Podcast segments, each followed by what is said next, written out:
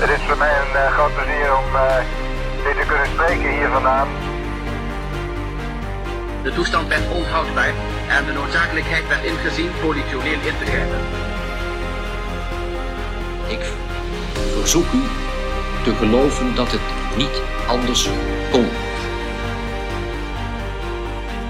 Hoe donker en moeilijk de tijden ook zijn, te blijven vertrouwen.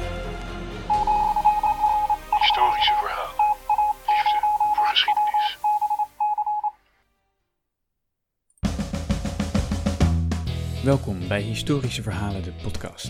Deze keer lees ik het verhaal De Zeug van Falaise van Kei Tengeler. Van mezelf dus. Ik schreef al eerder voor historische verhalen. Ik was bijvoorbeeld een van de auteurs van de bundel Korte Verhalen uit de Oudheid. En in december kwam mijn novelle uit met de titel De Vluchteling uit Damascus. Voor de zeug van Falaise gaan we terug in de tijd naar de middeleeuws Noord-Frankrijk. Op zijn belastingronde overkomt de burggraaf van Falaise iets verschrikkelijks. Hij is kapot van verdriet en zoekt een schuldige. De verteller van het verhaal is de enige die weet wat er precies is gebeurd, maar die staat machteloos tegenover de gebeurtenissen die volgen. Luister mee. Falaise, Frankrijk, winter 1386. De sneeuw op de tenen van de gehangenen glinstert in de ochtendzon. Het is alsof het licht mij aanwijst, me lonkt. Het bloed stroomt tot in de toppen van mijn vleugels. Ik wil er naartoe. Ik wil het vangen, het licht bezitten. Ik kan nooit meer zonder, want in die glinstering zit het leven. Een druppel glijdt langs het lichaam naar beneden. Ik schuifel dichterbij en volg de weerkaatsing van de zon in zijn bolling. De druppel trippelt van de tenen langs de benenharen en worstelt zich over de kreukels van de linnen broek. Dan vermengt het water zich met bloed. De glinstering verdwijnt. De druppel schuurt langs de wonden en valt van de roze, ronde snuit op de planken van het schavot. Ik bestudeer het vervormde lichaam van de gehangene, de lege zakken van het nieuwe kostuum. Ik pik zachtjes met mijn snavel in haar poot. Ik weet niet precies waarom. Ze wiegt aan het touw, er dwarrelen wat sneeuwvlokken naar beneden. Ze kreeg tenminste nog een proces, probeer ik mezelf te overtuigen. Dat is meer dan menig varken kan zeggen. Een showproces, werp ik mezelf tegen. De schuld stond al vast. Ik hups opzij voor de spettersbloed. Meestal zoeken mensen een schuldige in hun eigen midden. Ze bewaren hun moordlust voor hun eigen soort en vermommen het als rechtvaardigheid. Maar deze keer konden ze niemand anders de schuld geven. Ik dwing mezelf om in de blauwe ogen boven me te kijken. Daar glinstert niets meer in, behalve ongeloof misschien. Hoe heeft het zo kunnen lopen? Een ongeluk, een rechtszaak en een verschrikkelijke executie. De mensen voerden een theaterstuk op tegen de overmacht van het lot. Waarom moest zij daar de dupe van zijn? Waarom konden ze niet gewoon accepteren dat het leven soms niet loopt zoals je verwacht had? Ik weet het wel, zo zijn mensen nu eenmaal. Ze zochten een zondebok, ze vonden de zeug. Ik heb zelf gezien hoe het is gegaan. Ik scharrelde rond bij de boerderij van Jean Martin, niet ver van het kasteel.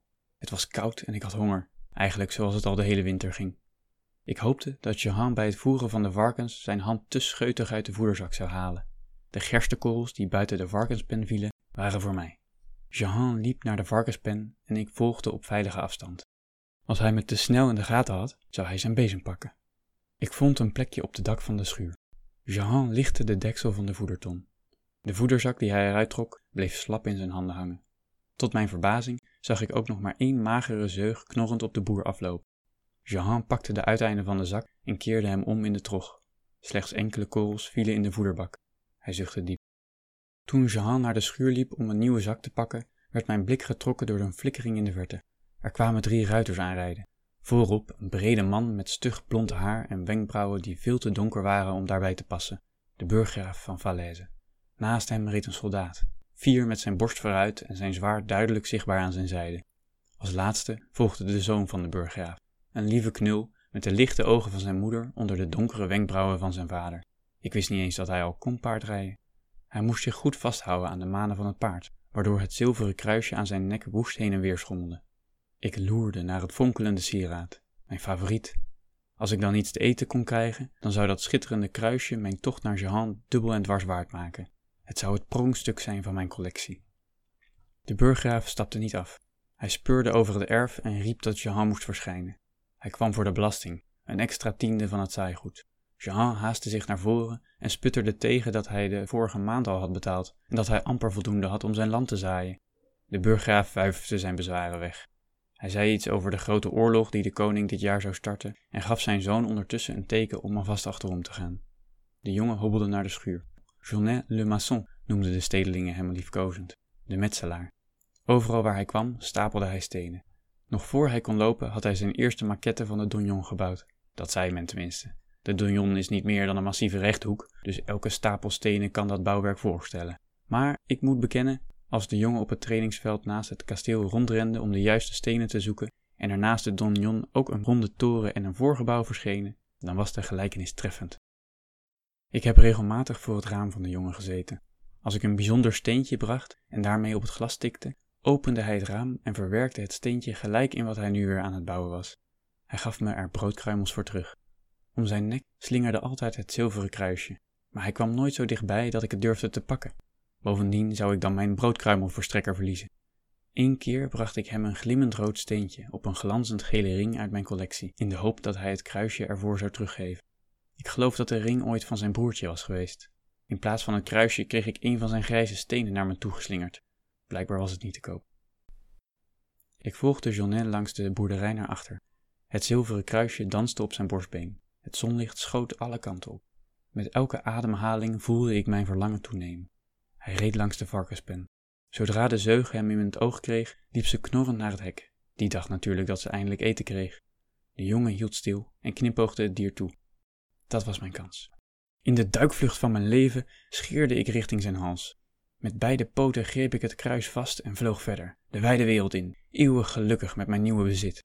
Tenminste, zo had het moeten gaan. Dat had zoveel ellende geschild. In plaats daarvan moet de jongen me in zijn ooghoek hebben zien aankomen. Voordat ik de ketting kon bereiken, sloeg hij beide armen voor zijn gezicht. Ik klapte er tegenaan als een hommel tegen een raam. Mijn vleugel bleef steken tussen zijn armen. Ik krijste en pikte, trok me los en klapwiekte naar de dichtstbijzijnde boom. Achter mij voltrok zich de ramp. De jongen wankelde op zijn paard en verloor zijn evenwicht. Zijn rechterbeen zwaaide de lucht in, terwijl zijn linkervoet bleef hangen in de stijgbeugel. Nog voor hij kon schreeuwen, klapte hij met zijn hoofd op het hek van de varkenspen. Daarna bewoog hij niet meer. Het paard hinnikte zachtjes en trok zich los. Ik hoorde de kleding scheuren. Met een flats belandde Jonet in de modder van de varkenspen. Hij bewoog nog steeds niet.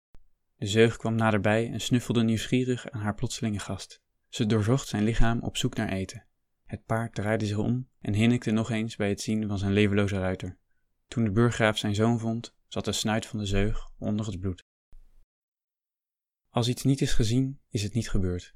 Anders kan alles wel gebeurd zijn. Dan had de jongen vrijwillig zijn leven gegeven voor de hongerige zeug.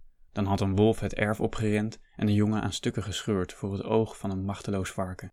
Dan had de jongen op het dak van de schuur staan dansen met de zeug liefdevol in zijn armen. Was hij gestruikeld en gewoon ongelukkig terechtgekomen. Als niemand het had gezien, was dat allemaal waar geweest. Maar ik had het gezien en er was één waarheid. De avond van zijn dood zag ik dat er licht scheen in Jeanette's kamer. Het was het enige verlichte raam van de donjon. Ik besloot een steentje te zoeken en erheen te vliegen. Dat was het minste wat ik kon doen. Ik vond de burggraaf in de grote stoel voor het haardvuur. Op de tafel in de hoek stond nog een bouwwerk van Jonet, half afgebouwd, half vergeten. De burggraaf staarde voor zich uit. Zou hij ook dood zijn? Ik tikte op het raam. Geen reactie. Ik kraste zachtjes, maar het hielp niet. Ik bleef zitten tot ik was opgewarmd en vloog toen naar mijn vaste plek in de toren. De volgende dag keerde ik terug, met een ander steentje. De burggraaf zat er nog steeds, of alweer. Ik tikte op de ruit. Weer geen reactie. Het vuur weerkaatste in de kleurige stenen op zijn vingers. Ik tikte harder. Misschien zou het kleine glas- en loodraampje breken. Dan zou ik mijn steentje zelf wel in Jeanette's laatste bouwwerk plaatsen.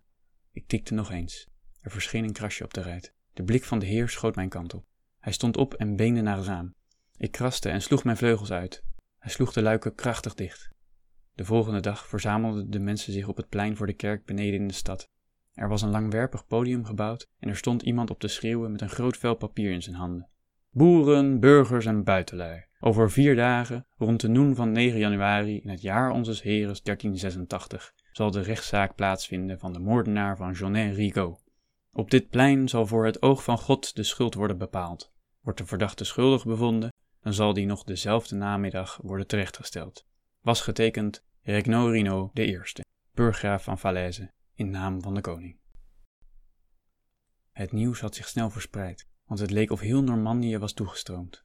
Er waren natuurlijk veel gewone burgers, keukenmeiden met hun schort nog voor, oude mannen met wandelstokken en naaisters met de draden nog in hun haren. Ze verdrongen zich voor het podium om een glimp op te vangen van de verdachte. Maar er verschenen ook hooggeplaatsten, edelen in volle wapenrusting en vrouwen in fluwelen jurken kregen een plek op de tribune. Zelfs de bisschop was aanwezig, gehuld in kazuivel en pij. Aan de zijkant zette een schilder zijn spullen klaar om het tafereel in schetsen te vangen. De burggraaf had bevel gegeven het proces later te vereeuwigen op de muur van de naastgelegen kerk. Ik durfde eigenlijk niet te komen.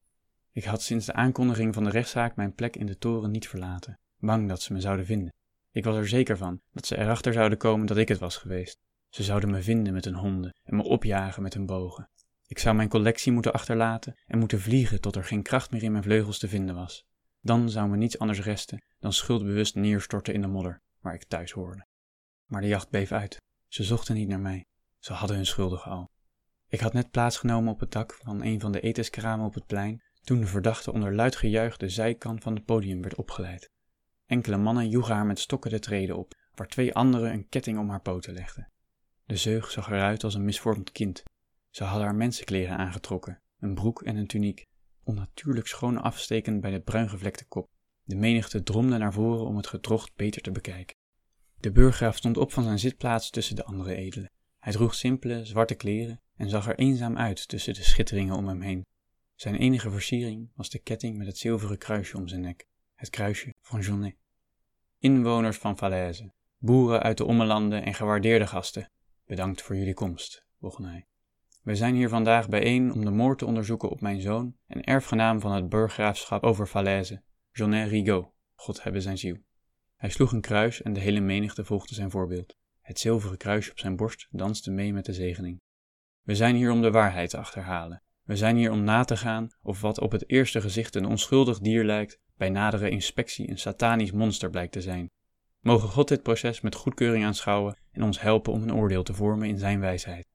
Leid de eerste getuige naar het spreekgestoelte. Hij ging zitten en negeerde de instemmende geluiden van de edelen om hem heen. Zijn blik zette zich vast op de zeug op het podium. Jean Martin beklom bibberend het spreekgestoelte aan de andere kant van het podium dan waar de zeug zat vastgeketend. Hij nam zijn pet af en hield die met beide handen voor zijn buik. Zijn ogen zochten moed in zijn afgetrapte schoenen. Hallo allemaal, stamelde hij. De menigte hield haar adem in. Midden op het podium verscheen een man met een dunne bruine sik en fonkelende ogen. De hakken van zijn schoenen tikten op de planken terwijl hij naar Jehan toeliep. Monsieur Martin, begon hij, en hij streek zijn hand langs zijn sik. Vertelt u eens, hoe kent u de verdachte? Jehan keek voorzichtig van de advocaat naar de burggraaf.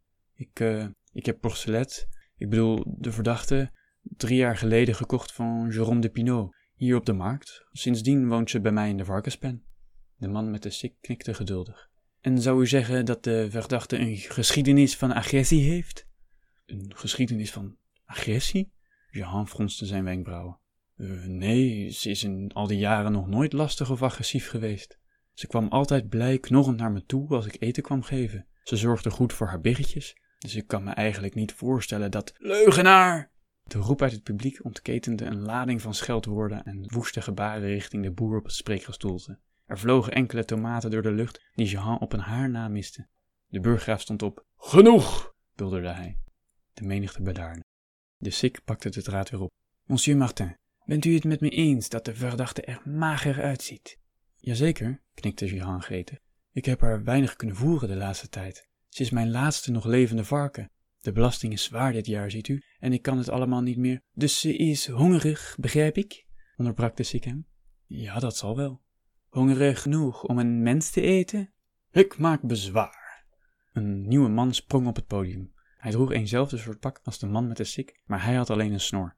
Er worden hier suggestieve vragen gesteld waarop monsieur Martin het antwoord niet kan weten. De snor en de sik keken afwachtend naar de burggraaf. Die zuchtte en wimpelde de procedure af. Bedankt, Jean, je mag gaan. Er volgden nog enkele getuigenissen. De soldaat die met de burggraaf en zijn zoon was meegekomen, verklaarde hoe hij had gezien hoe het bloed van de snuit van de zeug afdrupte terwijl ze haar lippen aflikte. Een van de gevangenisbewaarders beweerde dat de zeug van achter de tralies naar hem had gegromd en haar tanden had laten zien, die veel scherper waren dan bij normale varkens. Een ander zwoer dat hij in de moordlustige blik van de zeug de duivel had herkend. Bij elke getuige vond ik het moeilijker om te blijven. Ik kon niet geloven dat ik de enige was die wist hoe het was gegaan en dat ze mij niet zouden horen. Met een tactisch getimede krijs probeerde ik hier en daar nog de aandacht van de leugenaars af te leiden, maar het hielp niets. Het publiek smulde, de sik glunderde en de snor begon meer en meer te zweten. Toen hij in zijn eindpleidooi voorstelde dat de verdachte gewoonweg op het verkeerde moment op de verkeerde plaats was geweest, viel ik hem bij. Ik vloog naar het podium, draaide een ronde boven het hoofd van de zeug en dook tegen beter weten in, af op de kettingen van de zeug. Ik kon de stokken nog net ontwijken. De snor ontving niets dan boegeroep. De burggraaf bleef al die tijd naar de zeug kijken, alsof hij probeerde te zien wat zich in haar hoofd afspeelde. Probeerde hij het motief uit haar te trekken, een reden voor het onheil dat hem was overkomen? Zag hij dan niet dat deze poppenkast niks met moord te maken had? Iemand tikte de burggraaf aan en hij ontwaakte uit zijn trance. Het was tijd voor het oordeel. Hij kon er kort over zijn. Op de aanklacht van de moord op Jeannet Rigaud verklaar ik de verdachte schuldig. Ik heb een oude wilde eend eens horen beweren dat er in zijn jeugd een grote ziekte heerste, die alle mensen gek heeft gemaakt. De een na de ander viel ten prooi aan paarse bulten en bloederig pus. Hun dieren bleven achter om door andere mensen te worden opgeëist. Maar op een gegeven moment verloren de mensen zoveel soortgenoten dat ze hun dieren nauwelijks meer de baas konden. Het maakte de mensen bang. En bange mensen zijn gevaarlijke mensen. Ik denk niet dat mensen gek zijn geworden door een allesverslindende ziekte. Ik denk dat ze vooral bang zijn om controle te verliezen. Ze hebben zo sterk de behoefte om alles in hun omgeving hun wil op te leggen, dat ze radeloos zijn als iets gewoon gebeurt. Er moet een reden zijn, een gedachte achter het lot, iemand die hen pijn wil doen. Dus bouwen ze een orde op waar die niet is, een kasteel van toevallige stenen. Ze wezen de zeug tot schuldige aan, kleden haar in mensenkleren en haalden haar door de mangel van het menselijk rechtssysteem. Alsof toch een mens de moord had gepleegd, een wezen met een motief. Alsof een dier geen motief had kunnen hebben. Of beter nog, alsof het niet per ongeluk had kunnen gaan. De menigte had zich op het trainingsveld bij het kasteel verzameld. Twee soldaten leidden de veroordeelden richting het schavot. De beul trok zijn nieuwe handschoenen aan en gooide het touw over de balk. Hij trok het strak en legde een knoop. De verse hennep knisperde. De wrijving liet een zweem van verbranding achter. Ik had mijn positie ingenomen bij mijn favoriete raam van de donjon, maar het vertrouwde glas kon mij niet kalmeren. Ik wipte van de ene poot op de andere. Ik moest hier getuige van zijn. Ik moest haar onschuld vastleggen, anders had alles wel gebeurd kunnen zijn. De burggraaf stuurde zijn paard naar de voorkant van de menigte en draaide zich half naar de verdachte voor het schavot, half naar het publiek. Zeug Porcelet, riep hij. U bent schuldig bevonden aan de moord op Jonnet Guillaume Rigaud, erfgenaam van het geslacht Rigaud. Voor deze misdaad zal u worden gehangen. Heeft u nog laatste woorden? De zeug zweeg. Goed dan, vind vergeving bij God. Met vier man tilden ze de zeug op het schavot. De beul pakte een poot en bond vlug het touw erom. De zeug herinnerde zich deze ketening van de middag en probeerde weg te komen, maar de mannen grepen haar vast. De beul bond het touw aan de andere poot en zette zich schrap. Hij hees. Onder oorverdovend gekrijs vlogen de achterpoten van de zeug de lucht in. Sommige mensen in het publiek drukten hun handen tegen hun oren. Het touw sneed in de enkels van de zeug, terwijl ze wanhopig met haar voorpoten over het schavot krabbelde in een poging houvast te vinden. Nog een hijs. De voorpoten verlieten het hout. De zeug schreeuwde en klapte zich dubbel. Het leek wel alsof ze probeerde met haar voorpoten het touw om haar achterpoten los te maken, maar ze hield het niet vol en haar bovenlichaam viel weer naar beneden. Haar enkels kraakten. Een schok ging door de aanwezigen. De jachthonden van enkele soldaten gromden. De beul bond het touw vast en pakte een mes. Oog om oog, tand om tand, kondigde de burggraaf aan. Zijn hand omklemde het kruisje op zijn borst. De beul stootte het mes in een van de poten van de zeug en sneed langs het been naar beneden. De zeug krijste nog harder. De toeschouwers op de voorste rij doken weg voor de bloedspetters die in het rond vlogen. De honden begonnen te blaffen. Vanuit de verte sloten meer dieren zich bij het geschreeuw aan. Gehinnik, gekwaak, geblaat. Ik volgde hun voorbeeld. Iedereen protesteerde of klaagde of rouwde om het onrecht dat de zeug werd aangedaan. Het was genoeg geweest. De beul haalde zijn arm naar achteren en stootte zijn mes in de schedel van de gehangene. Het werd stil. De zeug spartelde nog wat aan het touw, en in de menigte kwam het geroezemoes langzaam weer op gang. Ik pik nog eens zachtjes in de half bevroren poot die naast mij hangt. Het vlees laat een beetje los. Ik schrik en ril als een druppel van de besneeuwde zeug op mijn kop valt. Een flikkering vangt mijn blik. Het is de burggraaf. Verstopt in een dikke, donkere mantel loopt hij van de donjon naar het trainingsveld. In zijn handen heeft hij een bloem, een ring met een rode steen en een glinsterend kruisje. Halverwege het veld staat hij stil. Hij kijkt naar het schavot. Ik voel me bekeken en wip achter de druppende zeug. Dan draait de burggraaf zich om en loopt naar een hoek van het terrein. Hij hurkt neer. In de verste hoek legt hij de bloem, daarnaast de ring. Dan gaat hij op zijn knieën. De sneeuw is hier doorspekt met bruine spikkels. De witte laag heeft de vers omgewoelde aarde niet helemaal kunnen bedekken. De burggraaf steekt zijn handen in de sneeuw, legt het kruisje in de kuil en dekt het weer af met aarde. Na enkele tellen staat hij op. Ik zie zijn adem verschijnen in de lucht, zijn schouders zakken. Dan loopt hij terug naar de donjon. Als hij weg is, schud ik de natte sneeuwkristallen van mijn veren en laat de zeug achter. Ik vlieg naar de enige plek waar de aarde de sneeuw bedekt in plaats van andersom en graaf tot ik het sieraad gevonden heb. Eindelijk is het voor mij. Ik schud de aarde ervan af. De kristallen fonkelen. Het kruis weerspiegelt de stenen van de donjon. Ik draai mijn kop en de kleuren verschieten naar roze en rood. De dood glinstert in de ochtendzon. Dit was De Zeug van Falaise van mij, Kei Tengeler. Luister ook naar het interview met redacteur Rick over de historische achtergrond van dit verhaal en het schrijfproces. Vergeet historische verhalen ook niet te volgen op Facebook, Instagram en Twitter en abonneer je natuurlijk op deze podcast. Laat als het kan ook een review achter. Ik snap er de ballen van, maar dat schijnt te helpen om deze podcast beter vindbaar te maken. Dankjewel en tot de volgende keer.